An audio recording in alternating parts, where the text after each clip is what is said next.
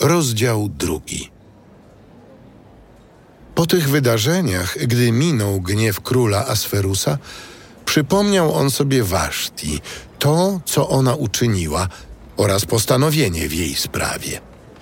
I powiedzieli dworzanie króla, którzy mu usługiwali. Niech poszukają królowi młodych dziewic o pięknym wyglądzie i niech zamianuje król urzędników we wszystkich państwach swego królestwa.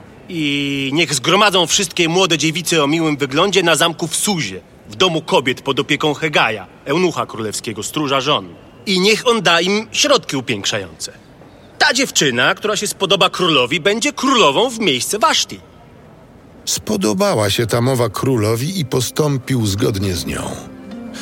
A był na zamku w Suzie mąż imieniem Mardocheusz, syn Jaira, syna Shimejego, syna Kisza, człowiek z pokolenia Benjamina. Ten został uprowadzony na wygnanie razem z królem judzkim Jechoniaszem, którego uprowadził na wygnanie król babiloński Nabuchodonozor. A był on opiekunem Hadassy, to jest Estery, córki swego stryja, bo nie miała ona ojca ani matki. Była to panna o pięknej postaci i miłym wyglądzie, a gdy umarli jej ojciec i matka, przyjął ją Mardocheusz za córkę. Gdy rozeszła się wieść o poleceniu królewskim i jego rozkazie, i gdy zgromadzono wiele dziewcząt na zamku w Suzie pod opieką Hegaja, wzięta też została Estera do domu króla pod opiekę Hegaja, stróża żon. Dziewczyna mu się spodobała i pozyskała sobie jego życzliwość. Pośpieszył więc, by dać jej środki upiększające i należną jej część utrzymania.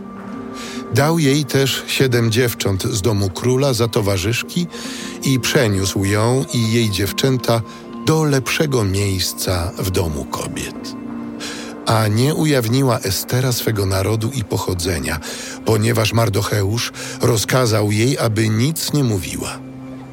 Mardocheusz zaś przechadzał się codziennie na wprost przedsionka domu kobiet, aby dowiadywać się o zdrowie Estery i co się z nią dzieje. A gdy przychodziła kolej na każdą dziewczynę, aby pójść do króla Asferusa, pod koniec jej pobytu, wedle prawa kobiet, to jest po dwunastu miesiącach, ponieważ wtedy kończyły się dni ich namaszczania, sześć miesięcy olejkiem mirrowym, a sześć miesięcy balsamami i kobiecymi środkami upiększającymi. Wtedy dopiero dziewczyna szła do króla. Wszystko, czego zażądała, dawano jej, aby mogła to wziąć ze sobą do domu króla. Wieczorem szła, a rano wracała do drugiego domu kobiet pod opiekę Szasz Gaza, eunucha królewskiego, stróża nałożnic. Nie przychodziła ona już do króla, chyba że król jej zapragnął i wezwał ją imiennie. A gdy na Esterę, córkę Abichaila, stryja Mardocheusza, który wziął ją za córkę, przyszła kolej, aby poszła do króla, nie żądała niczego poza tym, co polecił Hegaj, eunuch królewski, stróż żon. Estera pozyskała sobie życzliwość wszystkich, którzy na nią patrzyli. Zabrano więc Esterę do króla Asferusa, do jego pałacu królewskiego w dziesiątym miesiącu, to jest w miesiącu Tebet, w siódmym roku jego panowania. I umiłował król Esterę nad wszystkie inne kobiety.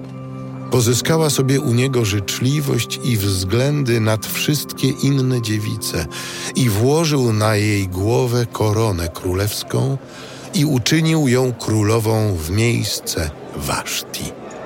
Wydał także król wielką ucztę dla wszystkich swoich książąt i sług swoich, ucztę Estery, a państwa uwolnił od podatków, obdarował ich z hojnością królewską.